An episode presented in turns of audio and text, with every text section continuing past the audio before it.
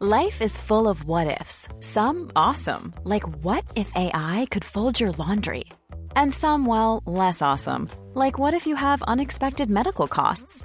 United Healthcare can help get you covered with Health Protector Guard fixed indemnity insurance plans. They supplement your primary plan to help you manage out of pocket costs. No deductibles, no enrollment periods, and especially no more what ifs. Visit uh1.com to find the Health Protector Guard plan for you.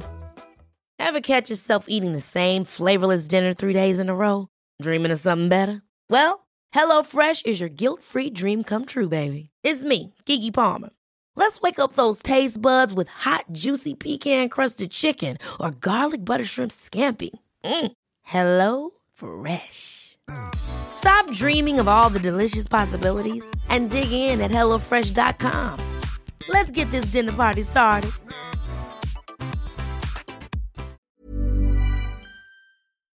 Systrarna Elvstrands hästpodd är producerad av Mediahouse by RF. Hej på er allesammans och välkomna till systrarna Elfstrands hästpodd avsnitt 139.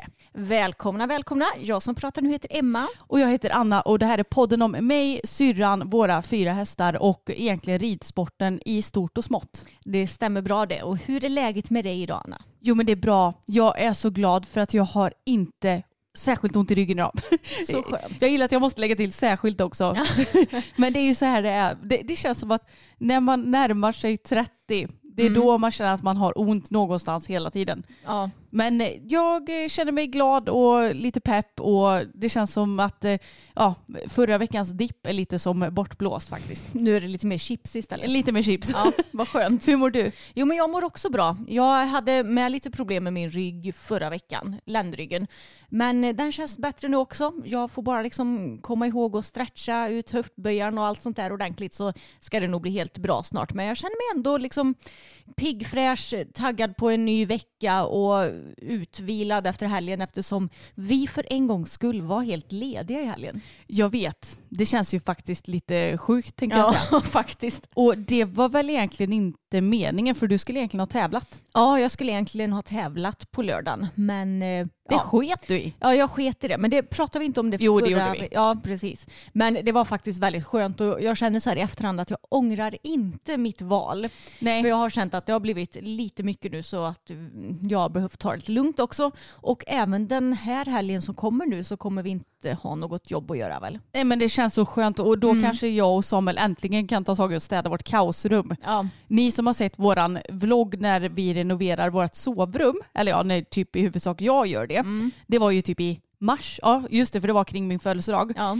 Ni fick ju se en liten eh, sneak peek på vårt kaosrum som är ja, minst lika stökigt nu om inte stökigare. Mm. Så det är så roligt för att i helgen så har jag faktiskt tagit tag i, eller jag och Samuel då, tagit tag i att rensa vår garderob och grejen är att vi har ju kläder på ganska många ställen. Vi har en byrå i vårt sovrum där vi har typ underkläder, träningskläder och lite sånt där. Sen har vi en walk-in closet. Det låter ju betydligt mer fancy än vad det är. Det är ett rum med lite hängare och grejer som vi har kläder i och där har vi ju alla ja, men jeans, skjortor, ni fattar, klänningar och sånt där. Och sen så har jag mitt gamla stallklädesrum som numera är jackrum. För att ja, vi har haft dem nedknökade i en byrå. Det har inte riktigt varit optimalt kan Nej. man säga. Så att eh, det fixade vi med. Och jag är en sån där människa som, nu har vi ju städat på ställen som inte syns för någon annan. Men det ger mig sån ro i själen att få ordning även om det är bakom stängda dörrar. Jo, jag vet att du, du, är, en inte sån. Nej, jag bryr mig inte så mycket. det, är ju det som skiljer oss lite grann. Att jag är en stökis och du är en städis till exempel. Ja men det är det som är problemet med mig också. Jag är en städis men däremellan så är det så här, "Åh, jag orkar inte lägga den här t-shirten till rätta. Kastar in den och då är det ju starten på ett bombnedslag. Jo. Och sen så till slut så tar jag tag i, rensar, städar, gör i ordning lite. Och så är det fint i någon vecka eller två. Mm. Och du säger att du har rensat ut lite kläder också så jag ska se ifall jag vill ha något av det du har rensat ut. Mm, en hel del slängdes också för att ja, jag har ju bland annat slängt mitt allra första par Lululemon leggings nu. Åh nej. Ja, det känns lite i hjärtat faktiskt. Men Mm. jag har ju också haft dem i Fyra år. Ja, så att det är väl ändå helt okej kan Ja. man tycka. De sprack i såklart sömmen vid insida lår där de, mina lår gnids mot varandra. precis. Så det är väl så. Lite kläder har ju såklart fått slängas för att de är för slitna. Men sen så har jag en hel påse här med kläder som jag tänker att om inte du, mamma eller någon annan vill ha dem så skänker vi dem Ja. till Kupan som vi har som är lokal second hand-butik här i Vara. Mm. Men eh, ja, så att min helg har ju mer bestått av typ förberedelse inför veckan och eh, städa och sånt där. Och jag har också lagat matlådor. Ja. Det har blivit min helgsyssla nu de två senaste helgerna för att jag inser ju det att jag tycker att det är så förbenat tråkigt att laga mat. I synnerhet så här vardagsmat. Det kanske kan vara lite roligare om man bestämmer sig för att ah, men nu ska vi laga någon fancy pasta typ. Mm. Men eh, det är så sjukt tråkigt.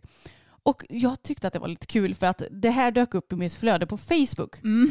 Från P4 Extra.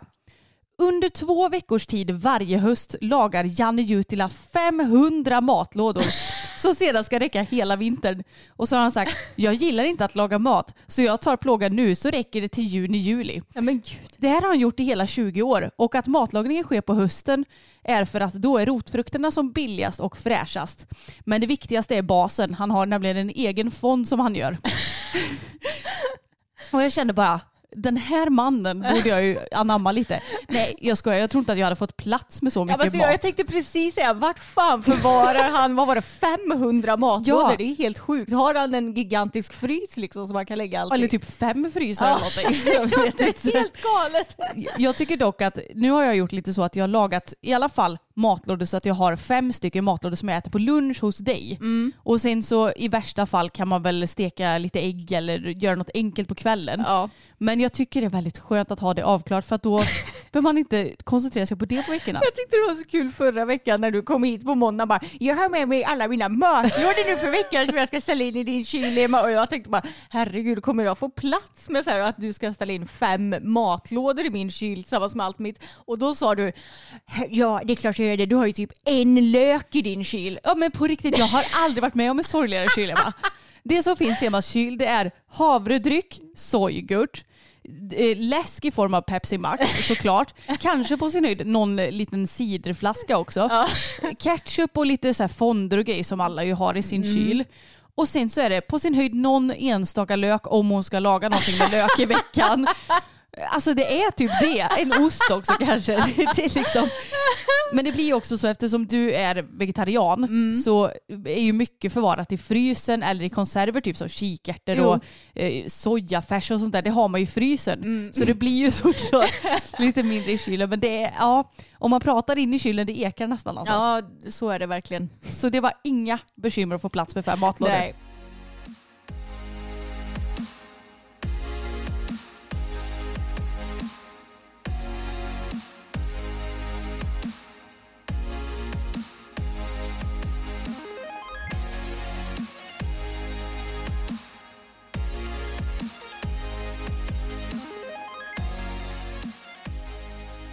Okej, men i vanlig ordning så får vi ta och uppdatera om våra kära djur då. Mm. Och Tage, han ser bättre ut men jag tycker att hans höger bakben är så skumt för att han fick något sår på bakbenet. Men jag vet inte om det är det eller om det är något annat skumt som dykt upp för det ser nästan lite ut som så här fokussår Ja. som han hade. Så jag vet inte tusan vad det är för någonting men han ser ju betydligt bättre ut i alla fall på det här konstiga ormbenet. Mm. Och sen så är det någon, något sår kvar på ena bakbenet. Så att än så länge kan vi inte börja rida honom för att han är ju väldigt känslig när han har sår. Ja. Tycker att det stramar och blir lite, Mm. inte halt men lite stapplig liksom. Mm. Så att eh, det är lite tråkigt. Jag tror att han tycker att livet är lite tråkigt när han inte får bli riden och så. Självklart så kommer han ju in och bli borstad och sånt men det är inte riktigt samma sak. Nej. Så det är lite trist men eh, det tar sig och det kommer nog bli bra Ja. snart hoppas jag.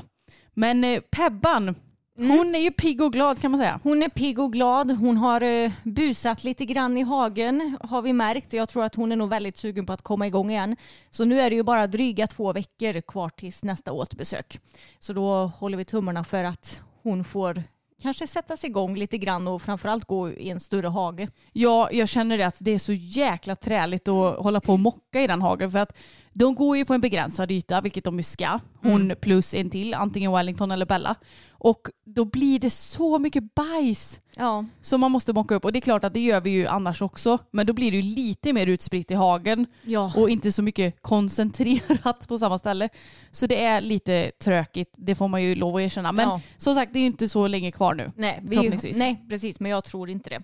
Jag, jag vill minnas att veterinären sa att det skulle vara en fyra månaders läkningsperiod och det har ju gått fyra månader nästan nu nästa återbesök blir det. Mm, precis. Så ja, det är bara att hålla tummarna. Men eh, Bella älskar ju att gå med Pebban. De är sådana kompisar, de är så söta tillsammans. Så ja, jag tror att hon har det nog ändå ganska bra. Hon är ju en sån extremt positiv häst. Så glad och snäll och liksom positiv när det kommer till allting känns det som. Ja, det är helt sjukt faktiskt. Hon är så himla gullig och varje gång man kommer in och ska mocka så är hon så här hej hej, Ja. hur är det med dig? Typ ser det nästan ut som hon säger fast Mm. det gör hon inte för hon kan inte kommunicera så men nej, hon är så himla gullig verkligen. Ja. Och eh, Belsan då, hur har hon känts förra veckan? Jo men bättre, för jag upplevde ju att hon hade lite, lite som en dipp för ett par veckor sedan. Hon har blivit lite mer chips nu. Nu har hon blivit lite mer chips igen. Det är dock dumt att säga att dipp är något dåligt Ja, i är ju- chips och dippfall för att dipp är ju väldigt gott. Det är ju det. Men eh, ja,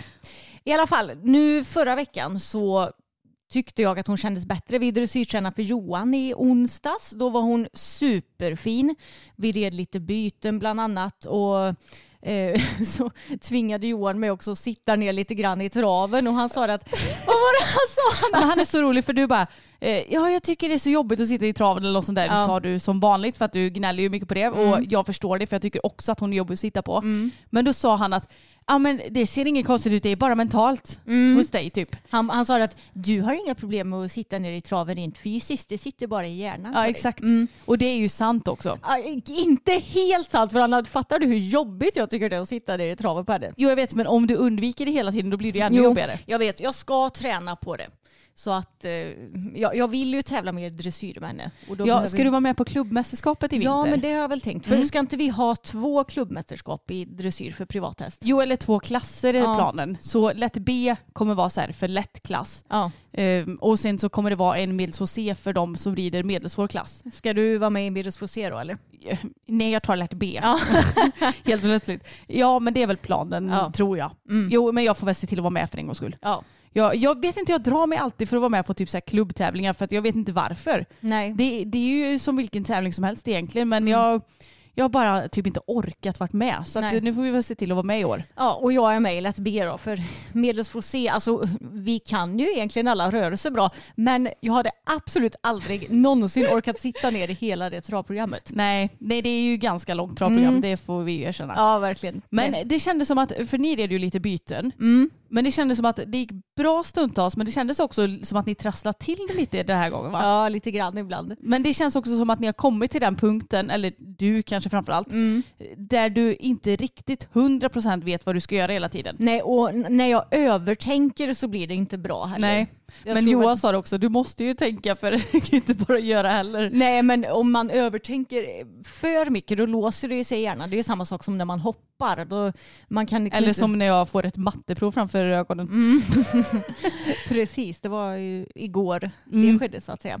Ja, nej men eh, hon kändes i alla fall jättefin, bättre energi och hon har ju börjat jobba i så himla fin form och takt och allt vad det nu är och hon blir ju bara starkare och starkare. Så det kändes skönt. Men nu har hon fått mikrovila över helgen så hon vilade fredag, lördag, söndag och nu ska hon ridas som vanligt igen den här veckan tänker jag. Mm. Det blir eh, spännande att se om du känner någon skillnad. Ja, För det gjorde ju jag när Fokus hade vilat Mm. också. Och vi red ju som vanligt förra veckan och vi tränade också för Johan och då så sa jag det till Johan att jag har anmält mig till en medelsvår B. Tycker du att jag är dum som har gjort det? Och då sa han att nej jag tycker aldrig att du är dum utan snarare tvärtom att du är en ganska klok eh, tjej sa han. "Ja, det var ju bra. Så jag har ju faktiskt avanmält mig från medelsvår C nu Mm. och eh, betalat min medelsvår B-start. Så Ja. att om inget eh, oväntat händer så kommer vi att starta medelsvår B om Mm. ja vad blir det nu?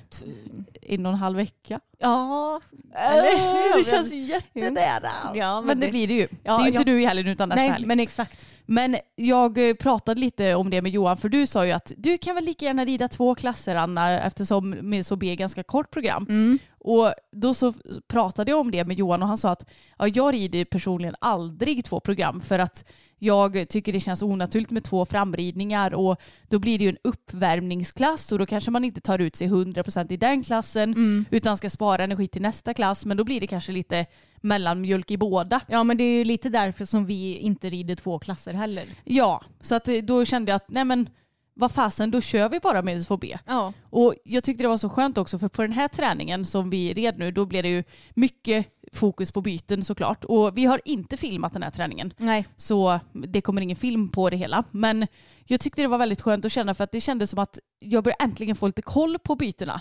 Jag börjar få koll på vad jag gör för fel när det blir orent. Och det känns så himla gött för att innan så har jag varit lite så här jag vet inte vad jag gör, jag vet inte Nej. varför det blir rätt, jag vet inte varför det blir fel. Men Mm. nu så fattar jag lite bättre. Ja. Och när jag väl gör rätt, det händer ju inte så jätteofta, då gör ju fokus otroligt bra byten. Mm. Så det känns så jäkla skönt faktiskt att äntligen så börjar min hjärna och kropp förstå vad den ska göra. Ja. Men det är ju så himla mycket att tänka på. Mm. Man ska ha rätt tempo, jag ska hålla i vänstertygen, jag ska dra bak min höger axel och så ska man antingen driva lite framåt innan bytet eller ta tillbaka lite innan bytet. Mm. Så det är mycket för kroppen och koordinationen att hålla koll på. ja. Men visst, eller, visst hinner du med en till dressyrträning innan tävlingen? Ja det gör jag. Mm. Så det känns också skönt. Mm. Men eh, jag tänker lite så här inför tävlingen. Jag ska ju såklart försöka göra mitt allra bästa för att få till bytena på banan. Men jag är också så himla ödmjuk kring att går det inte så går det inte och det är inte hela världen. Nej. Och Johan sa också att det som är så, alltså anledningen till att du kan starta med SHB överhuvudtaget nu, det är för att fokus, han brusar inte upp sig över byten överhuvudtaget. Blir det orent så är det inte så att han bara Åh! blir helt panikig och Mm. det blir inte jag heller för den delen.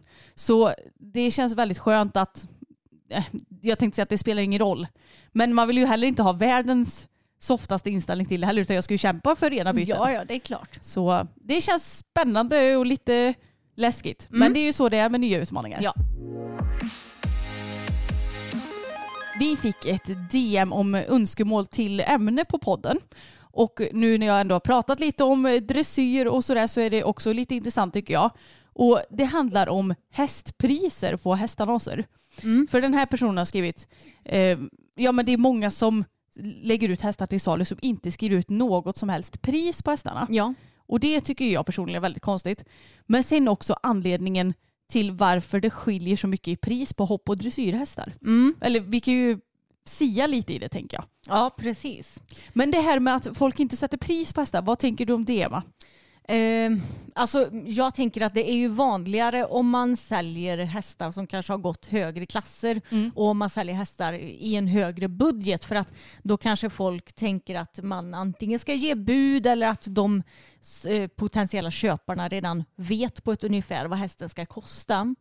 Men eh, när det, jag tycker samtidigt att det är ganska så konstigt att inte ha något pris ute. I alla fall om man annonserar på typ Hästnet till exempel. Exakt, jag kan tycka lite så här, om det är lite bud på hästen inom citationstecken, då brukar det ju kanske vara en häst som är ute och tävlar ganska mycket.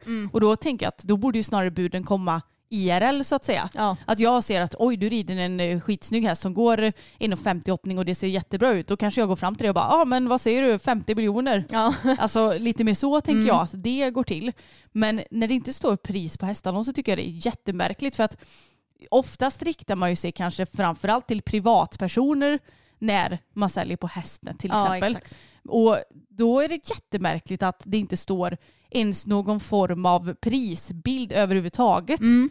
Och jag förstår heller inte riktigt den här, ursäkta mig, men bajsnödigheten kring att skriva ut priser. För att jag menar, vill du ha 800 000 för din häst? Ja men skriv ut det då. Mm. Jag kan bara tänka mig själv, tänk om jag hade sålt en häst och så inte skrivit ut pris. Tänk hur många frågor man Ja, säkert jag får vet. på hur många, eller vad hästen kostar. Ja, ja. Då får man kanske svara så här 40 personer bara en sån sak. Ja, och lägga massa tid på det. Mm. Jag tycker det, det känns ju som att det borde bli jobbigare för säljaren att inte skriva ut något pris. Exakt. Och det finns ju också de som jag har sett som har så lite priskategorier eller pli, Mm. prisklasser. Där det står så här, priskategori 1 är upp till 100 000. Mm. Priskategori 2 är mellan 100 och 300 000. Typ lite sådär. Och, men ja, det är ju ett jäkla glapp på Ja. 100 och 300 000 förstås. Men det, det är ju ändå bättre för då får man ändå ett hum om vad hästen kostar. Mm. Men sen fattar jag heller inte riktigt varför man inte vågar skriva ut priset. Nej, jag vet inte. Jag, jag försöker sätta mig in i situationen som säljare. Jag vet inte om de tycker att det blir mer seriösa personer som hör av sig då kanske. Jag vet inte. Men samtidigt tänker jag att det borde ju också ta mer tid och energi för dig som säljare eftersom du måste kanske svara många fler som undrar om pris till exempel. Ja, och jag tänker också att man som köpare har väl alltid någon form av budget som man går efter. Ja. Jag menar det är ju väldigt få personer som antagligen är ekonomiskt oberoende i hästvärlden. Mm. Och då har man kanske en budget på, ja men jag kan absolut lägga max 200 000 till exempel. Mm. Då är det ju inte så att man eh, går och kollar på hästar som kostar mer. Men om en häst inte står utskrivet med något pris, då är det klart att man undrar vad den kostar. Ja. Så ja, jag tycker det är ett himla märkligt fenomen. Ja. Men den här grejen med att eh, hopphästar är så mycket billigare än dressyrhästar då? Vad Ja, tror du det beror på? Alltså det är en grej som jag har funderat på också och som jag inte vet om jag har något bra svar på. Det enda eh, alltså, logiska som kommer upp i min skalle det är att det är dyrare att tävla i dressyr. det är dyrare att tävla i dressyr och oftast dyrare att träna dressyr också. precis. Men sen så funderar jag också lite på för att oftast så tar det ju kanske längre tid att utbilda en dressyrhäst. Mm. Jag menar, det är ju inte så att eh, man lär hästen piaff och passage i en handvändning eller byten i varje eller sådär. Mm. Men det är klart att dressyrhästar är ju dyrare i grunden också. Ja. Även föl och unghästar som inte Mm. har gjort någonting är ju mycket dyrare än hopphästar. Ja. Och då kan jag tycka att det, då borde de ha ungefär samma pris. Mm. En fyraårig hopphäst och en fyraårig dressyrhäst. Ja. Men sen att det kanske blir dyrare när dressyrhästen är åtta och hopphästen är åtta. Jag vet inte. Nej, jag fattar. Jag, jag har aldrig riktigt fattat den här grejen får jag säga. Nej. Och ja, nej, jag har ingen aning. Det, det var tur att du lyckades hitta Fokus som ju är en hopphäst men som rör sig bra. För annars eh, om du skulle liksom köpa någon häst som är lika fin som honom, en dressyrhäst, så hade du fått lägga ja, bra mycket mer än vad du Ja, säkert tre gånger priset Ja, minst. säkert minst tre gånger priset. Mm. Sen så var ju Fokus inte den lättaste hästen direkt, men eh, med lite jobb så har han ju blivit väldigt fin och kommer ju bli finare. Men det, ja, jag, hade, jag hade inte haft råd att köpa en hyfsad dressyrhäst idag kan jag säga. Nej, och det värsta är att jag har ju sagt så här att min nästa häst, det ska vara en dressyrstammad häst. För Ja. det blev det ju ingen den här gången. Nej. Eh, Även om, gud jag gillar ju Pebbles jättemycket, även om vi inte har lärt känna varandra så bra eh, uppsuttet än. Mm. Men det, ja, jag vet inte. Vi får se om jag någonsin kommer ha eh, alltså, råd med en dressyrhäst. Mm. Eller om jag kommer vara tillräckligt, eh, vad säger man, icke-snål för det i alla fall. Jag tänkte säga, är, eh, är dressyrmänniskor rikare än hoppmänniskor? Jag vet De kanske så här, ja, det kanske går någon sorts trend att de som tävlar dressyr har mer eh, välbetalda jobb och därför kan köpa dyrare hästar. Jag har ingen aning. Nej, jag vet inte heller. Något sätt måste de ju kunna eh, alltså, lägga sina pengar på så här dyra hästar. Och även som sagt, det kostar ju mer att tävla dressyr. Det kostar oftast mer att träna dressyr. Mm. Det, det krävs mer pengar för att eh, vad ska man säga, lyckas i dressyrsporten känns det ju som. Ja, det känns lite så. Men som sagt, jag tänker att utbildningen kanske tar lite längre tid och är lite mer krävande för en dressyrhäst än en hopphäst. Och det är klart att det är krävande även för en hopphäst. För jag menar, det är inte vem som helst som klarar av att hoppa höga hinder. Men jag tänker att har du en sjukt duktig ryttare, fast det borde ju i och för sig gälla både hoppning och dressyr i och för sig, att det ändå går relativt fort att utbilda. Ja. Jag vet inte. Jag undrar hur det ser ut i den absoluta toppen. Alltså jag tänker de hästarna som går typ EM, VM och OS. mm, Om det skiljer sig där också på hopp och dressyrhästar. För min, eh, vad säger man, min fördom det är att de kanske är ungefär lika dyra i den absoluta toppen. Ja, du tänker om om man skulle sälja guldvinnaren både hoppning och dressyr. Ja, Om de hade landat på ungefär samma pris. ja men exakt. Ja, det är intressant. Mm. Jag tror ju knappast att de är till salu för det första. Men, Nej, men om man skulle buda på hopphästar i den klassen Mm. och dressyrhästar i den klassen. Det, det, det, ja, det kanske är de här lite så här medels, när det kommer till medelsvårhästar eller kanske lite högre än så. Mm. Då känns det som att dressyrhästar är bra mycket dyrare än hopphästar och även eh, dressyrhästar, bara för att den är dressyrstammad men har gått typ lätt B så ska man ha 200 000 för den. typ. Ja, jag det är vet. helt sjukt. Ja men när vi kollade på hästar inför att vi skulle köpa vår fjärde häst, alltså när vi köpte Pebbles, då, då reagerade jag jättemycket på det. Och då såg jag att den här hästen har startat lätt B och jag bara okej, men för skojs skull så måste jag ju gå in och se vad den har fått. Och det var en häst som hade jättefin stam och var väl ja, men typ en ganska bra storlek för oss också. Vi gillar ju hästar som är kring 1,70. Mm. Men den hade ju fått så här, knappt godkänt till lätt B och de skulle ha så här, 250 000 om jag inte minns helt fel. Eller 300 000. Mm. Ja, det var så här skitmycket pengar. Mm. Och jag kände bara, men herregud. Och det är klart att det är jätteolika. Jag menar, skulle någon som är mycket duktigare än mig ut och tävla fokus hade de ju förmodligen fått bra mycket högre procent än vad jag och fokus lyckas få. Så det är klart att det beror ju också på, resultat beror ju på Mm. ekipage liksom. Men nej, jag, eh, jag förstår inte helt enkelt. Nej. Det kanske är någon där ute som har svar på våra frågor. Ja, ni kan ju gärna diskutera vidare i vår Facebookgrupp systrarna Älvstrands hästpodd eftersnack om ni har ja, lite bättre koll än oss på det här helt enkelt. Och nu när vi ändå snackar lite om tävling så har vi också fått ett DM ifrån en lyssnare som undrar hur man ska hantera nervositet på tävling. Om man får katastroftankar och så vidare och hur vi kanske eh, lägger upp, ja, lä- lägger upp den mentala biten och vårt tankesätt när det kommer till att tävla. Mm, det är ju en jättebra fråga och vi har ju dessutom pratat om en del ridrädslor och, och, och tävling och sånt där och prestation med Emily Espegren. Det var ju väldigt länge sedan hon gästade podden Ja. nu. Men jag kan ju ta och länka till de avsnitten i beskrivningen till det här Mm. avsnittet. Och då länkar jag till Spotify för det är väl enklast. Ja. Men det här med katastroftankar, det är ju något som vi människor är ganska bra på överlag att få in i våra huvuden. Ja. Jag är likadan ibland när det kommer till hästarna men också ibland så vaknar jag på natten och får för mig att Samuel, min man, har diabetes. Då måste jag typ kolla så att han andas så att han inte ligger i någon eh, koma för att han har för lågt blodsocker och ligger och dör bredvid mig. Eh, Jag tror att vi människor, man får nog bara acceptera att det är lite så vi är i vår natur. Ja. Men det finns ju såklart verktyg till att motverka att de dyker upp. Mm. Och det som jag brukar göra både när det kommer till hoppning och dressyr det är att verkligen planera dagen. Mm. För gör man det då finns det inte så mycket tillstymmelse till att ja, men tänk vad som händer här och vad som händer här utan man har lite koll på Ja, läget. exakt. Och det är en trygghet för min hjärna i alla fall att Mm. jag vet vad jag ska göra och när. Mm. Och det här är ju någonting som man kanske behöver jobba upp lite med tiden. För att det är klart att ska du ut på din allra första tävling, du har ingen aning om hur länge det tar att knoppa eller hur länge det tar att åka till tävlingsplatsen. Man behöver ju kanske Lite rutin. lite rutin för att få riktig snurr på det hela.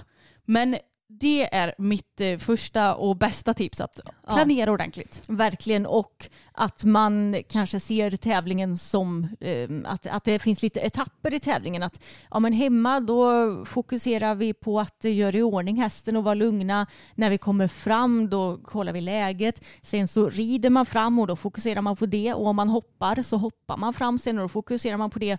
Och sen när man kommer in på banan då fokuserar man på hur man ska rida. Och om du är så fokuserad i liksom respektive tårtbit då lämnas det inte så mycket, mycket utrymme heller för katastroftankar eller att bli nervös tycker jag. Exakt, för det är ju ingen idé att man står där och knoppar och funderar på hur det kommer gå inne på banan. Nej. Eller står och borstar hästen inför en hoppstart liksom och bara Åh men gud, tänk om det är en eh, kvick eh, sväng eh, från höger in till en oxer. Då kommer jag ju tycka att det är jättejobbigt för att det gick faktiskt inte så bra på träningen av just den eh, eh, svängen. Det är verkligen ingen idé att stressa upp sig innan man ens vet hur saker och ting går. Nej. Så att fokusera på det som är i stunden och har man gjort en ordentlig planering då vet jag att ja, men klockan 11 då ska jag lasta min häst.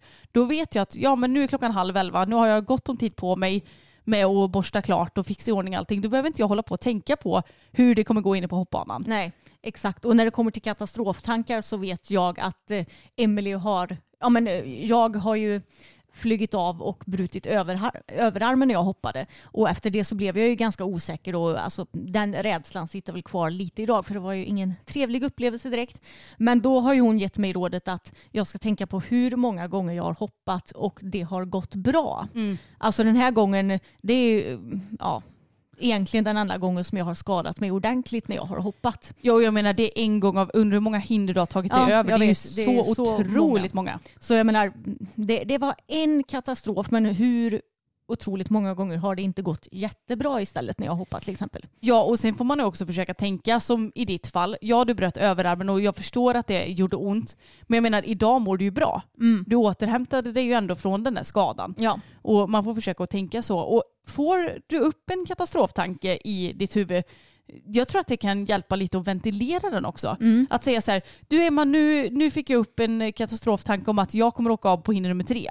Och då kan man liksom diskutera och säga att ja men det kommer inte att hända för att du vet ju att till hinder nummer tre så ska du ha bra galopp i svängen och sen bara sitta och invänta hindret. Alltså, Jag tror inte att det är fel att ventilera sina tankar. Nej. Exakt. Och sen mitt absolut bästa tips det är ju att åka ut och tävla mycket. För ju mer du tävlar desto mindre nervös blir du. Eh, ju mindre ringrostig du blir desto mindre nervös blir du också. Och då blir ju inte en, varje tävling en så stor grej heller som om du bara tävlar ett par gånger om året till exempel. Nej, och jag tänker också att en tävling behöver man inte se på så himla stort allvar Nej, hela exakt. tiden heller. Utan det är liksom en liten check för att se hur bra kommunikation du och hästen har. Mm. Eh, Klarar ni av att rida igenom ett program på bortaplan eller är hästen väldigt spänd? Det kan ju alltid hända. Ja. Men att man ändå ser det som att ja, men vi tränar inför framtiden. Det, jag tycker att det är Mm. ett ganska bra sätt att se det på. för att det gör man ju. Ja. Och det, jag tycker att för min del så avdramatiserar det hela grejen lite grann. Mm. Att, ja men vi behöver inte vara bäst just nu. Nej. Sen så kanske jag har blivit lite för slapp istället i det här. så jag behöver snarare liksom tänka lite tvärtom. Att kom igen nu, nu jäklar kör vi lite Ja. så. Men det är ju också lite så, jag märkte mycket i ens känslospektra och hur, en, hur man är utåt. Det, Mm. Det är lite svårreglerat ibland. Jag tänker det är inte som i radio där man bara ställer in exakta frekvenser utan som jag har behövt att bli lite lugnare och lite mer manjana. Då har det kanske råkat bli lite för mycket. Ja, Men det är också lättare att kanske vrida upp det igen sen när ja man har precis. kommit tillbaka. Så ta det bara lugnt och fint.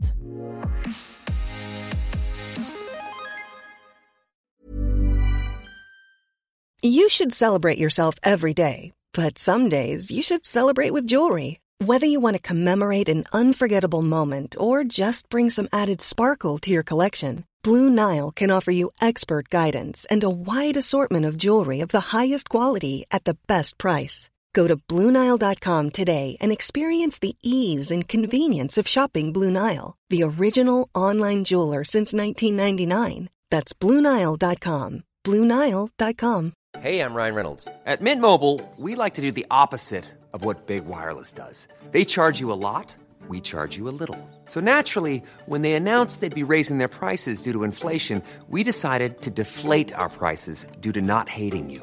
That's right. We're cutting the price of Mint Unlimited from $30 a month to just $15 a month. Give it a try at mintmobile.com slash switch. $45 upfront for three months plus taxes and fees. Promo rate for new customers for limited time. Unlimited more than 40 gigabytes per month. Slows. Full terms at mintmobile.com.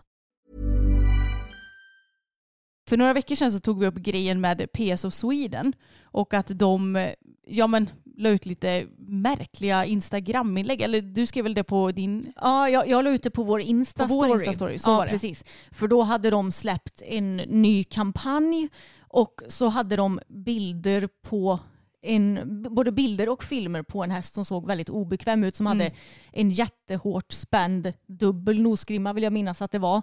Och den såg obekväm ut när den reds och så vidare. Och då skrev jag att jag tycker det är tråkigt att ett sånt här stort företag lägger ut sånt här och visar på att uppenbarligen på att de tycker att det är okej att ha utrustning som sitter så hårt och så vidare. Och då var det väldigt många som var inne och kommenterade på PS inlägg då efter att jag hade lagt upp det här. Det, är någonting som jag har tänkt på det senaste att det känns som om vi konsumenter har börjat ställa lite större krav på företag och både när det kommer till till exempel vanliga inom stationstecken kläder men också på hästföretag. Och när det kommer till vanliga klädmärken till exempel så eh, känns det som att vi vill se mer vad heter det, diversity? Eh, Mång- varia variation? Mång- mångfald Ja. på typ modeller till exempel. Ja. Att inte alla bara ska vara smala, långa och vita utan att mm, vi vill se mer skillnad i både kroppar och utseende och allt vad det Mm. nu kan vara. Och inom ridsporten när det kommer till att sälja hästutrustning så är det ju, eh, har det blivit mm, kanske lite mer uppmärksammat att man vill att hästarna ska se nöjda ut på bilderna, att de ska ha utrustning som verkar sitta korrekt och inte stenhårt. Mm. Och jag tycker att många företag är duktiga på det här. Men något företag som har fått mycket kritik nu det senaste det är just PS of Sweden. För att de har många gånger lagt ut bilder på hästar som inte ser så himla nöjda ut och där man ser att nosgrimmarna är väldigt hårt spända så att ja, man ser att näsborrarna liksom trycks in om du fattar vad jag menar Ja. för att de sitter så hårt. Men jag vill minnas att de har fått eh, ja, men kommentarer angående det här för länge sedan också redan. Ja säkert. För, att, ja, men, för att man såg att nosgrimmarna varit spända redan för länge sedan. Mm. Och att då har de svarat att nej men vi kan eh, försäkra er om att eh, de sitter bra. Typ. Men man ser ju när en nosgrimma är hårt spänd tycker ja, jag. exakt. Och nu det senaste så har jag fått upp en del eh, Facebook-annonser ifrån PS. Och då ser jag att de har fått, de, de fick många kommentarer angående det här även på Facebook. Men sen så helt plötsligt var de här kommentarerna bara borttagna. Mm. Och då var det folk som kommenterade, jaha vad har hänt med kommentarerna och bla bla bla liksom. Mm. Så jag tycker summa summarum att det är bra att folk börjar sätta krav på företag och alltså det som vi konsumenter kan göra för att inte stötta sådana här företag som uppenbarligen inte har en så trevlig syn på hästar det är ju att inte handla av de företagen. Mm, exakt. Och ja, jag tycker att det borde inte så svårt. Det, det är ingen svår grej att ändra på. Nej. Jag har inget eh, ont att säga om deras eh, produkter. Men det är inte så svårt att inte spänna skiten ur en nosgrimma. Nej, precis. Och jag personligen känner att jag inte vill stötta ett företag som jag inte tycker har en bra hästsyn. Mm. Och det är ju samma även när det kommer till kanske vanliga klädföretag. Jag vet det var ju en stor grej om Naked för ett par år sedan va? Mm. Att de hade behandlat sina anställda som skit och allt vad det nu var. Mm. Och mm, ja, efter att det kom upp, jag sk- skulle aldrig kunna handla av Naked. Inte för att jag har gjort det innan det heller visserligen, men jag, jag skulle inte göra det för att jag tycker att du, du ska stötta företag som förtjänar att stöttas. Mm. Och sen så känns det ju som att ju mer man får reda på olika företag desto mer rötägg finns det ju typ precis överallt i Mm. och för sig. Så att då känns det som att nej men vi får väl gå nakna då. Typ. nej men ibland känns det lite så faktiskt. Faktiskt. Men ja, det är bra att folk äntligen börjar reagera och det, det känns ju som att fler och fler människor blir medvetna om vad som är en god hästhållning, om vad som är en trevlig syn på hästar, hur det ska se ut, eh, alltså hur en nöjd häst ser ut när den rids till exempel. Mm. Så ja, det är kudos till alla som eh, står upp för hästarna och som visar vad ni tycker helt enkelt. Och jag tänkte att vi skulle ta upp ännu ett önskeämne i den här veckans poddavsnitt och det är mobbning och utfrysning i stallet. För jag vet om att det är tyvärr ganska så vanligt att det sker både på ridklubbar, ridskolor, ridgymnasium, wherever, inackorderingsstall.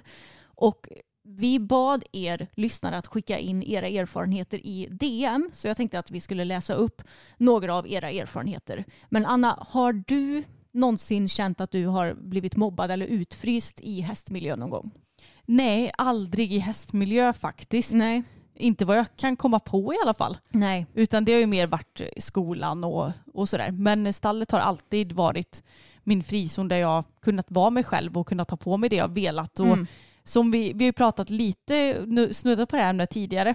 Och då vet jag att vi pratade om att vi bor ju ändå i en liten ort och Mm. vi red på ridskolan när inte sociala medier fanns alls i samma utsträckning och inte alls samma, ja men det här med att dela foton och sånt där utan Mm. det- det känns som att nu sprids ju trender och krav på trender på ett betydligt snabbare och effektivare sätt. På, verkligen på gott och ont Mm. Såklart. Men eh, mycket i det här fallet är ju såklart på ont. Ja, precis. Och jag Så- menar, på, på vår tid det fanns inga hypade märken heller Nej. kändes det som, utan det var lite mer att ja, man rider i det man rider i och det spelar inte så stor roll hur man ser ut. Nej och det var inga konstigheter att ha en eh, Jofa plasthjälm, det första man hade som var det billigaste som fanns att rida i Mm. i början. Och man kunde liksom ta en, en tröja som man hade haft till vardag som var ett litet hål, ja men då kunde man rida i den. Ja, Det var inga konstigheter. nej, exakt. Så Jag tror att vår generation hade det kanske lite lättare när vi var yngre. Eh, inte för att förminska någon annan som inte hade det, men Nej. det känns som att det är nog ett tuffare klimat idag i och med alla sociala medier och utseendet och sådär. Men du och jag, vi har ju haft turen att eh, inte ha varit med om någon mobbning eller utfrysning i stallet, utan snarare tvärtom, att vi bara har haft positiva upplevelser. Men det är det ju långt ifrån alla som har och en person skickade in att eh, det här med att inte ha bra kläder i stallet, det är mest bland unga i min ålder. Och så är det som att om man inte har Maja Delores byxor eller Castrian Stockholm schabrak så är vissa inte med en eller pratar med en. Tycker det är sjukt tråkigt att man måste ha en viss stil i stallet för att passa in. Mm. Jag, jag tycker verkligen att det är så himla tråkigt för att vad är det som spelar roll? Ja. Jo det är ju kärleken till hästarna Mm. och att man är schyssta mot både varandra och hästarna såklart. Och då spelar det ju ingen roll om du har på dig något som knappt hänger ihop i sömmarna eller något som är eh, helt sprillans nytt Nej, och jättedyrt. Men det är det här jag menar med att jag tror att utseendehetsen är större idag. Mm. I och med att eh, ja, till exempel vissa märken blir väldigt hypade och eh, ja, men man hör ju kanske mm, även när det kommer till typ så att ha fina transporter och eh, mini, eller minilastbilar, B-kortslastbilar och allt Ja vad, gud ja. vad det nu ska vara. Det känns som att det, eh, sporten har blivit ganska mycket mer ytlig mot vad den var för 20 år sedan när vi började rida. Ja, vi har ju fått någon fråga någon gång. Varför har ni inte en B-kortslastbil? Man bara, nej men varför har vi inte en miljon till övers? Ja. Alltså, alla har inte råd helt enkelt. Mm. Och ett till meddelande vi har fått. Jag har en egen häst och står på ett inackorderingsstall. Jag har vänner och trivs ibland men det är en tjej som ofta är väldigt otrevlig. Hon är en vuxen mamma men beter sig väldigt omoget. Hon snackar ofta skit om barn och vuxna i stallet. Hon har alltid haft något emot mig vilket betyder att hon ofta är otrevlig och ser ner på mig. Hon påpekar ofta ut saker som jag gör fel och hon bara är allmänt dryg mot mig. Jag tycker att det här är ett så omoget beteende för en vuxen person och det värsta är att hon alltid är trevlig mot personer framför andra i stallet. Men när ingen ser så är hon jättetaskig mot just de personerna. Så det är ingen som märker. Det är ofta barn, inklusive mig själv, som hon utsätter och då vågar man inte säga ifrån eftersom alla hon inte är taskig mot tror att hon är jättesnäll. Ibland vill jag bara konfrontera henne när hon kommenterar vad jag gör fel eller när hon snackar dåligt om någon. Men det är bara så svårt. Ja, sådana här situationer är ju verkligen inte enkla. För att eh, som personen skriver så är det en vuxen person och så personen som skriver kanske inte är så gammal själv. Nej, ett barn eh, sa hon att hon Ja. var. Eh, och det känns som att den här mamman, hon känns väldigt manipulativ. Ja, och i grund och botten så mår hon antagligen inte särskilt bra. Men Mm. det finns ju heller ingen eh, anledning till att vara elak för det. Nej. Men det är ju helt galet att det ska vara så här. Och nu när jag tänker efter så var vi ju i ett inackorderingsstall där det var lite så här för Mm. oss också. Ja. Att vi hela tiden gjorde fel och man var tvungen att göra ett visst sätt för att stänga en viss dörr och sådana där grejer. Och jag kände bara, men herregud, det är inte oss det är fel på. Vi har tillräckligt med IQ för att stänga en dörr. Men Mm. då, då kanske man behöver laga dörren om den inte går att stänga på ett helt normalt sätt. Och, Mm. Så jag kan ändå känna igen mig lite, även om jag tror att vi Ja. var ganska så skonade ändå. Jo, precis. Men det, det känns som att den här typen av människa har man ju stött på förut. För det finns ju en del vuxna kvinnor som man har varit med om tidigare som har snackat en hel del skit. Och sen är de så trevliga mot en själv. Gud ja. Och jag vet ju också om att det finns eh, folk som har snackat skit om oss men sen så är de trevliga mot oss i person, alltså face to face. Men så får man höra av våra vänner att de har liksom snackat skit om oss till dem. Mm, precis. Eh, Och det sker ju även idag Ja, kan vi ja. ju säga. Precis, och jag menar det är ju ganska så eh, osmart att eh, prata skit om någon till en person som de är vän med för det första. för det kommer man ju få reda på. Lite så. Och även om jag och Emma, vi, nu, vi är ju ändå så pass trygga i oss själva att vi inte bryr oss så mycket om vad andra folk säger för att det, vi orkar liksom inte lägga den energin. Mm. Men jag förstår om man bryr sig och om man tar åt sig eller inte tar åt sig kanske men om man blir sårad för att det är inte så lätt att ta alla gånger såklart. Mm. Jag har varit med om att bli utfryst i stall där jag har varit medryttare. Kunde till exempel vara så att jag kom till stallet och sa hej till den hästägare som var där och då sa inte den personen hej tillbaka. Sen när en tredje person kom som också var hästägare blev första personen trevlig och hälsade på den. Varit med om liknande i flera separata inackorderingsstall. Har därför alltid varit extra trevlig mot alla andras medryttare sedan jag skaffade egen häst. Gud vad bra att den här personen i fråga ändå tar med sig någonting som hon, ja, men precis som Mm. hon kan förbättra inför nästkommande medryttare. Och jag blir så förbannad. Hur jävla svårt är det att säga hej till en person? Verkligen. Men hur svårt är det att vara trevlig överhuvudtaget? Ja, och jag kan bli så trött på att det ska finnas någon sorts hierarki också. Ja. Att här, ja, om du har egen häst så är du mer värd då än om du... Ja men typ, här kommer bara en liten medryttare. Han är inte någon, någon som jag kommer säga hej till. Nej, exakt. Nej, jag blir så förbannad och jag kan tänka också så här, man brukar ju säga att det kräver fler muskler i ansiktet att se sur ut än vad det är att se glad ut. Mm. Vilket jag i och för sig ställer mig lite frågan till för det är väldigt skönt att ha ett resting bitch face i och Ja. för sig.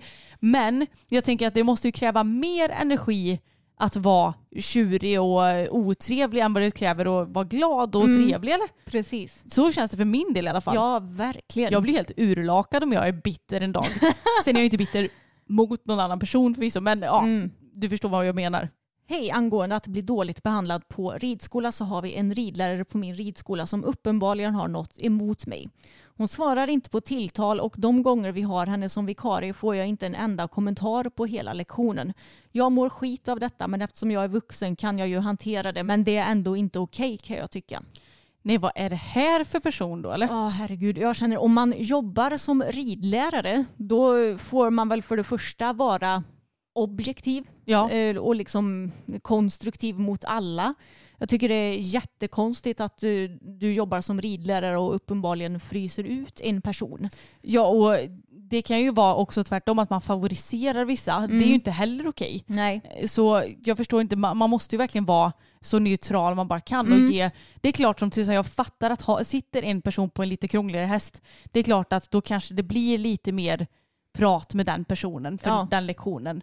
Men annars så ska man ju verkligen försöka portionera ut så mycket info till alla som möjligt. Ja, exakt. Det är ju det du får betalt för tänker jag. Ja, precis. Ja, du, du betalar ju för att få träna för någon och då Mm. måste du ju få kommentarer. Så eh, alltså om det är någon som är med om något liknande så skulle ju jag råda till att prata med ridskolechefen Mm. som i sin tur kan prata med ridläraren. Sen får man ju hoppas då att det kanske inte är eh, ridskolechefen som är den här ridläraren då.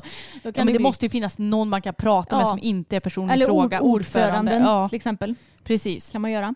Eh, så någon som är liksom hierark, hierarkisk hög på ridskolan får man ju Mm. prata med om om man har någon sån här situation. Men det, ja, jag fattar inte. Jag, tyck, jag förstår inte hur svårt det ska vara att vara professionell och även om man kanske inte klickar med alla personlighetsmässigt så känner jag att det, det är ju bara en träning och då ska du ju behandla alla lika. Exakt. Hej, såg er senaste händelse och kände att jag ville flika in. Jag tog studenten från ridgymnasium förra sommaren och utfrysning och mobbning sker i princip på alla ridgymnasium. Det var inte specifikt i min klass men i de andra klasserna var det extremt. Slagsmål, förgiftade varandras hästar med gamla äpplen och så vidare. På andra skolor var det värre, extremmobbning, mordhot med mera. En del mellan eleverna från de olika skolorna också. Lärarna hade ingen koll och kunde inte strukturera bort det. Det var galet. Bara glad att det var relativt god sammanhållning i min klass. Jag är helt i chock. Jag vet att man försöker förgifta någon annans häst. Alltså, det är ju helt sjukt. Mordhot. Mm. Vad är det här? Ja, Nej, det låter helt sjukt. ja, verkligen. Och eh, jag fattar inte hur man som skola inte kan ta tag i de här problemen ordentligt. Nej. Och ja, herregud. Det, Nej, ibland blir jag så frustrerad när man hör om mobbing och grejer. För att hur svårt ska det vara att ta tag i bekymmer? Det känns Ja. som att så ofta så bara, nej men då får ni sitta ner och prata lite tillsammans. Det löser väl ingenting? Nej. Jag menar, hur många möten hade inte du med dina mobbare i skolan? Ja, precis. Löste det saker? Nej. Nej. Och för, för min del då var det ju jag och mina bästa tjejkompisar blev mobbade av killarna i klassen så det var liksom kollektiv mobbning. Och det blev ju så illa att vi var tvungna att ha möten med våra föräldrar, killarnas föräldrar och lärarna.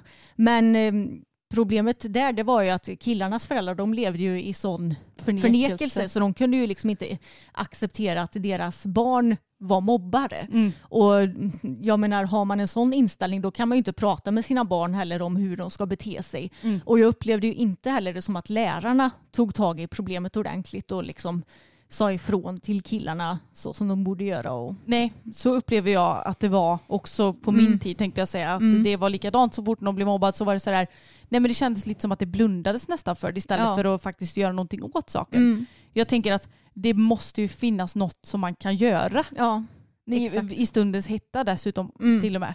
Nej, det här låter verkligen helt sjukt. Verkligen. Och sen har vi fått ett meddelande ifrån en person som har eh, sin häst inackorderad i ett stall där hon är den enda inackorderingen men att det finns många medryttare där. Så att det är ändå runt fem personer som hänger i stallet. Och den här tjejen skrev att hon har enorma möjligheter i stallet men funderar på att flytta då hon vantrivs så mycket. De andra i stallet tävlar och prioriteras därför av stallägaren. Vilket jag kan förstå till en viss mån men det är en anledning till att jag känner mig utanför som att min häst förtjänar det sämre bara för att den inte ska visas upp för andra. Mina grimmer försvinner, det hänger träns på mina träns, saker på min sadel och folk städar inte efter sig. Känns så respektlöst att jag ska få komma till ett stökigt stall när dessa personer som inte städar varken har skola eller jobb medan jag gör båda. En helt ny grimma är borta. Den var inte dyr men jag gillade den och det känns surt att köpa en ny. I vanliga fall kan jag prata med stallägaren om sånt men hen är så nöjd med att det tävlar hennes hästar. Förra sommaren fanns en stallgrupp på Messenger där jag inte var med. Vet inte om den finns kvar. Hela miljön i stallet har blivit så ohälsosam. Alla snackar skit om alla men låtsas vara bästisar när de ses. Känns som att vara tillbaka på gymnasiet. Åh, så himla tråkigt. Och det här med att man inte får ha sina saker i fred Ja. dessutom. Jag tycker det är så otroligt respektlöst. Och det är så här självklart när man står i ett stall. Jag menar, vi, nu har vi ju bara en inackordering kvar. Men det är klart att ibland så skriver vi och frågar henne om det är något vi behöver låna. Men då får man ju fråga först. Mm. Du kan ju inte bara ta. Nej, exakt. Eller hänga saker överallt. Nej usch, så himla respektlöst. Hej, skulle gärna vilja dela med mig om min upplevelse på ridgymnasium. Jag har precis börjat på ett ridgymnasium och jag upplever redan att vissa av de äldre, alltså treorna, behandlar oss ettor väldigt annorlunda. De vet alltid bäst och har alltid något att klaga om medan de själva slarvar väldigt mycket när det gäller exempelvis jourer där de tar hand om hästarna på helgerna. De säger aldrig hej i stallet eller ler, är väldigt otrevliga i konversationer, tittar väldigt snett på en och även för att vi är ettor kan de skita i att läsa på våra hästars tavlor där det står om de ska ha täcke och så vidare utan bara släpper ut hästen som de ser ut då och skiter i vad som ska vara på egentligen. Det är nästan som att bara för att vi är ettor ska man inte vara noga med hästen vilket jag tycker är helt skit. Vi har även en stallchef i ett annat stall som alltid har något att klaga på. Hon har en hemsk attityd och skriker alltid på en för minsta lilla fel. Men det här tycker jag också är så konstigt. Nu vet ju inte jag om någon har tagit upp just de här problemen med treorna på den här skolan. Men jag menar, om inte treorna sköter hästarna så som de ska, då borde de ju få någon form av bestraffning över det kan jag tycka. Mm, precis att eh, de borde ju, ja, någon borde ju ha koll på att de sysslar med det här och jag tänker att det är säkert jättevanligt på ridgymnasium att det är så här att treorna är inom stationstecken högre i hierarkin Mm. än ettorna och det blir nog lite som en ond cirkel att om du har blivit dåligt behandlad när du själv gick i ettan så kanske du vill få lite revansch när du går i trean. Alltså jag kan tänka mig att det rent psykologiskt är så. Ja, precis. Och att för att få bukt med det här problemet så måste ju lärarna se till att det stoppas redan från början så att ingen känner sig nedtryckt eller mindre värd än någon annan. Nej, och det är också så tråkigt för jag menar i ettan då känner man ju sig lite så här, ja men man byter skola och man kanske, går man på ett ridgymnasium, ja men då kanske man till och med har flyttat en bit hemifrån. Mm. Och så kanske man är lite sådär, inte rädd men du vet lite så här, ja men nu kommer jag här på ett nytt ställe och är Ja. lite osäker och blyg och så ska man bli nedtryckt det första man blir. Mm. Det är ju inte så himla kul heller Nej. så att jag, jag förstår inte varför folk inte bara kan bete sig. Ja men det var väl några lite mer konkreta historier som vi har fått skicka till oss men vi har fått så många DMs och många har ju gemensamt att folk trycker ner på en, ignorerar en och snackar skit om en, ehm, ja men kanske för att man själv inte tävlar till exempel. Mm. Att eh, folk som tävlar verkar tycka att de är bättre än de som inte tävlar till exempel. Och ja, det, det känns som att den mobbningbiten är den mest vanliga eller den största orsaken till mobbning. Mm, precis, och vilken mobbing den handlar om så är det så jäkla tråkigt att det finns och det känns som att det blir typ bara värre på det planet som vi pratade lite om förut. Mm. Att, ja men det här med utseende och allt sånt där och jag tycker bara det är så himla trist för jag menar vi håller ju på med hästar för att vi tycker det är härligt och det, jag tycker också det är så konstigt att man som tävlande person inte kan se det som att ja, men om du inte hade tävlat att man kan liksom lära av varandra eller bara, Ja. bara vara. Herregud. Och att eh, man inte kan förstå att alla kanske inte vill tävla. Nej. Alltså herregud, de, det är ju hur många som helst som inte har hästar eh, på grund av tävling utan för att de bara tycker att hästlivet är härligt. Och jag fattar inte hur man inte kan förstå det. Att allt behöver inte ha med prestation att göra. Mm. Och det gör dig inte till en sämre hästmänniska för att du väljer att inte tävla. Ja, herregud. Och eh, det känns som att ja, men det är också mycket på ridskolor och ridklubbar att folk trycker ner en och att det finns någon sorts hierarki där. Och jag tycker bara det är trökigt. Det är klart att det kommer alltid finnas en hierarki men man kan ju göra det på ett respektfullt sätt. Att, ja, men, till exempel att ridläraren är högre i hierarkin än vad inom stationstecken bara en ridskoleelev är. Men man måste ändå kunna behandla varandra med respekt. Ja det gäller ju åt båda håll såklart. Ja. Och det borde ju inte vara så svårt kan man tycka. Nej, och jag tänker som så att när det kommer till ridsporten så kommer ju många att ha olika åsikter när det kommer till hästhållning och hur man tränar hästarna och så vidare. Men någonting som kan vara bra att ta upp det är också att alla vi som håller på med hästar, vi har ju inte samma erfarenheter och samma kunskaper. Så bara för att någon gör på ett sätt så behöver ju inte det betyda att det är fel. Och om en person gör något misstag så kanske den inte gör det med mening utan bara för att den personen helt enkelt inte vet bättre än så. Och jag menar, det går ju att framföra den kommunikationen på ett vettigt sätt i så fall. Om man till exempel, till exempel ser att någon använder utrustning på något fel sätt eller vad det nu än må vara. Ja, det är ju inte så svårt att säga bara du, jag såg att eh, ditt bett sitter åt fel håll. Mm. Eh, vänta lite så ska jag bara fixa till det. Ja men exakt. Istället för bara, alltså är du helt dum i huvudet som har bettet åt fel håll? Vad fan kan du ingenting eller? Mm. Så jag menar det finns ju verkligen olika sätt att bemöta misstag på. Ja. Och sen behöver man inte vara eh, den som är så himla petig hela tiden heller. Nej. Så länge det inte skadar hästen kan jag tycka. Nej, precis. Och mm, några riktlinjer som man kanske ska mm, använda sig av om man till exempel står inackorderad i ett stall eller ja, kommunicerar och umgås med hästmänniskor. Det är ju att säga hej till dem du möter.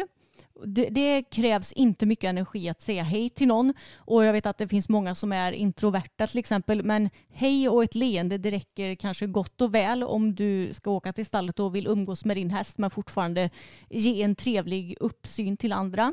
Ja, och jag kan också tycka så här, har du en skitdag Mm. och känner att du inte orkar vara trevlig och pratig så är det helt okej att säga bara Hej hej, du jag har faktiskt en riktigt dålig dag idag. Ja. Så om jag är lite tyst så beror det på att jag inte mår så bra idag. Och, Precis. eh, ja, det är inte att jag är sur eller Nej. så på dig liksom. Exakt. Det är helt okej, bara vi är lite mer öppna med hur vi tycker och känner inombords så tror jag att det hade hjälpt väldigt mycket. Mm.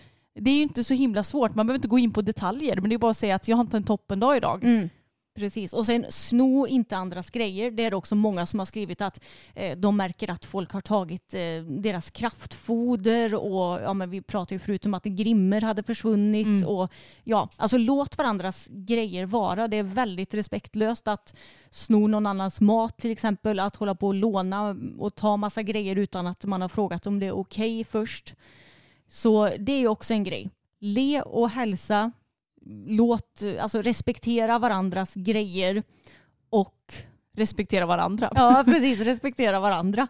Det, det behöver inte vara svårare än så Mm. att eh, ha en bra stämning i stallet. Jo, och att eh, man hjälps åt med eh, stallsysslorna och att, att du gör lika mycket som de andra. Ja men exakt och man kan ju hjälpas åt också. Jag menar, har du en kompis som du vet ska komma senare på kvällen och du kanske är där på eftermiddagen, ja men då kan man ju alltid kolla, kan inte du kvällsfodra så kan jag ta morgonen. Mm. Alltså, det går ju alltid att försöka att hjälpas åt för jag menar, Mm. det är väldigt mycket ansvar att ha häst och vara inackorderad och allt sånt där och jag menar det är ju mycket jobb med de här djuren. Ja, Så att kan man bara hjälpas åt och göra det på ett smidigt sätt så det blir liksom inte så svårt då. Nej, exakt. Men om man är utsatt och har blivit mobbad och ja, men känner att man mår dåligt över det så rekommenderar jag verkligen att prata med någon. Mm. Antingen någon psykolog eller någon närstående och också försöka att få hjälp med att få det att stoppa. Ja, Jag, jag tycker inte alltid att det är rätt att säga att så, här, ja men byt stall, även om det såklart kan vara en lösning på problemet. mm. Men om man känner att man kanske trivs i grund och botten i själva stallet så får man ju försöka att få själva mobbingproblemet löst. Mm. Och det är ju inte alltid så lätt kanske. Men ofta så är ju folk som mobbar eller trycker ner andra personer i grund och botten osäkra själva Mm. och behöver projicera sin osäkerhet på andra. Och det är också viktigt att veta som utsatt att det är inte dig problemet ligger i utan i någon annan. Och jag tänker som så att ifall du blir mobbad och ifall du konfronterar den personen som utsätter dig för mobbningen så hade nog den personen blivit ganska så ställd. Tror du inte det? Jo, och man behöver ju inte på något vis gå på, på ett, eh, vad ska man säga, gormigt sätt. Nej. Utan hade man bara ifrågasatt varför du gör så här så hade den nog bara oj shit. Mm. Antingen kanske inte ens inser vad den håller på med egentligen. Nej. Utan det bara sker per automatik. Eller så Mm. hade den bara men gud eh, du vågar typ stå upp för dig ja, själv. Exakt. Så det kan ju verkligen vara värt att prova. Mm. Och det är klart att det kanske kräver lite mod för jag är själv ganska så konflikträdd och tycker Ja. inte att det är jättekul att ta inom citationstecken fighter. Nej. Men ibland så måste man ju för sitt eget mående såklart. Mm, precis, det kan vara värt att testa. Jag tänker att en sån grej att konfrontera personer som beter sig dåligt mot dig, det kommer nog leda till att den antingen slutar och att det blir betydligt bättre stämning, eller så kanske det blir ännu värre. Men ja, i så fall så får man ju flytta hästen då i så fall. Mm. Men jag tänker att då har man ju åtminstone försökt. Jag har stått upp för sig själv. Ja, precis. Det känns som att man kan prata om det här ämnet i all evighet men jag tror att vi får försöka att runda av lite för dagen. Ja, och det är tråkigt att så himla många har blivit utsatta för mobbning och utfrysning och trakasserier inom ridsporten. Vi är ju som sagt lyckligt lottade att ha sluppit det, men vi har ju varit med om det ja, i vanliga livet istället. Exakt. Och det är det nog väldigt, väldigt många som har. Ja, det känns som att det knappt finns en enda person som inte någon Nej. har blivit mobbad på något Nej, vis. men lite så. Så det är tråkigt men eh, vi mår ju bra idag och Mm. eh, på något vis så kanske det är just det som har fått oss att lära oss vissa saker. Mm. Så att eh, även om det är svårt att se ljust på dåliga saker så får man väl försöka ibland. Ja, men jag känner absolut att jag har lärt mig en hel del Mm. grejer av mina erfarenheter. Mm. Även om man såklart inte önskar någon samma Nej, erfarenheter. men- precis. Och jag kan ändå liksom leva nu med gott samvete att inte jag har mobbat någon utan att det är jag som har blivit mobbad och jag har ju det mycket hellre så än om det hade varit tvärtom. Mm. Men sen så ska man ju som sagt också tänka på att de som mobbar andra oftast är osäkra och att ja, det beror på att de mår dåligt. Så att jag, jag tycker jag, jag, jag kan bli lite så här att man kanske inte får klandra de personer som mobbar för mycket heller. För att Nej, som vi har sagt, det, det, det förklarar ju anledningen kanske, Mm. även om det inte eh, beskyddar anledningen. Liksom. Precis, och det, det kan ju jag känna idag. Att ja, men de killarna som mobbade mig och mina kompisar, ja, de var osäkra och de kanske inte fick tillräckligt med stöd hemifrån när det kom till vissa grejer. Så det, det förklarar ändå saken lite grann. Men sen så har ju inte jag förlåtit dem för det de Nej, har nej. gjort. För det är inte så att de har bett om ursäkt till mig för sitt beteende. Nej, och det lär du nog aldrig att få en ursäkt för heller. Så. Nej, men exakt så det, det känns ändå skönt att jag vet om nu idag varför de betedde sig så. Det gjorde jag ju inte när jag var barn. Nej. Och det hade varit bra tror jag om man på skolor får lära sig om självkänsla, självförtroende och mobbning för då hade du förstått mer kanske varför vissa personer beter sig på olika vis. Ja, och jag kan också tycka så här att vi är mänskliga personer. Mm. Alla kan göra misstag. Men jag menar, om man bara ber om ursäkt, eller nej, så här, nu låter det som att man skulle kunna göra precis vad som helst bara man ber om ursäkt. Det är Mm. inte det jag menar. Men har man gjort ett misstag så måste man ju be om ursäkt för sig och verkligen få det, situationen att bli bra igen. Ja. Och lär man sig det i tidig ålder, vilket jag tyckte var lite tvetydligt för att det som vi fick lära oss när vi var unga, det var så här, man säger förlåt, man ger en kram Ja. och så är det bra sen. Men det var ju aldrig något genuint förlåt. Nej, exakt. Lär man sig det redan från början så tror jag att det blir mycket lättare att faktiskt acceptera när man har gjort fel eller sagt något konstigt och faktiskt på riktigt genuint ge om ursäkt för det. Ja, precis. Vi är ju bara människor så vi kommer ju begå misstag hela våra liv, så är det. Yes, då tar vi och avslutar för det här avsnittet. Tack så mycket för att ni har lyssnat. Mm. Glöm inte att prenumerera på vår YouTube-kanal om ni inte redan gör det. Och den här podden förstås. Och vi finns ju också på Instagram där vi heter systrarna Elfstrand, Emma Elfstrand och Anna Elfstrand. Det stämmer bra det och nästa vecka blir det ju ett frågeavsnitt här, ett qa avsnitt som vi kör var tionde avsnitt. Så in och följ oss på Instagram, systrarna Elfstrand, för där kommer vi lägga ut en frågepoll i vår story när det närmar sig. Ja, och har ni längre frågor så kan ni givetvis skicka ett DM till systrarna Ja. Elfstrand också. Men ha det världsbäst så hörs vi igen nästa vecka. Det gör vi. Hej då!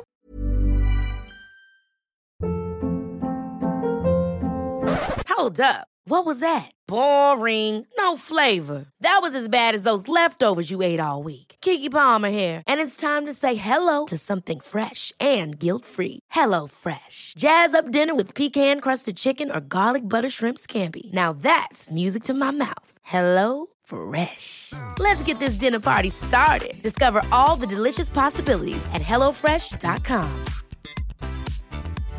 This message comes from BOF sponsor eBay. You'll know real when you get it. It'll say eBay Authenticity Guarantee. And you'll feel it. Maybe it's a head turning handbag, a watch that says it all, jewelry that makes you look like the gem, or sneakers and streetwear so fresh every step feels fly. eBay gets it. So look for the blue check mark next to that thing you love and be confident that every inch, stitch, sole, and logo is checked by experts. With eBay Authenticity Guarantee, you can trust that feeling of real is always in reach. Ensure your next purchase is the real deal. Visit eBay.com for terms.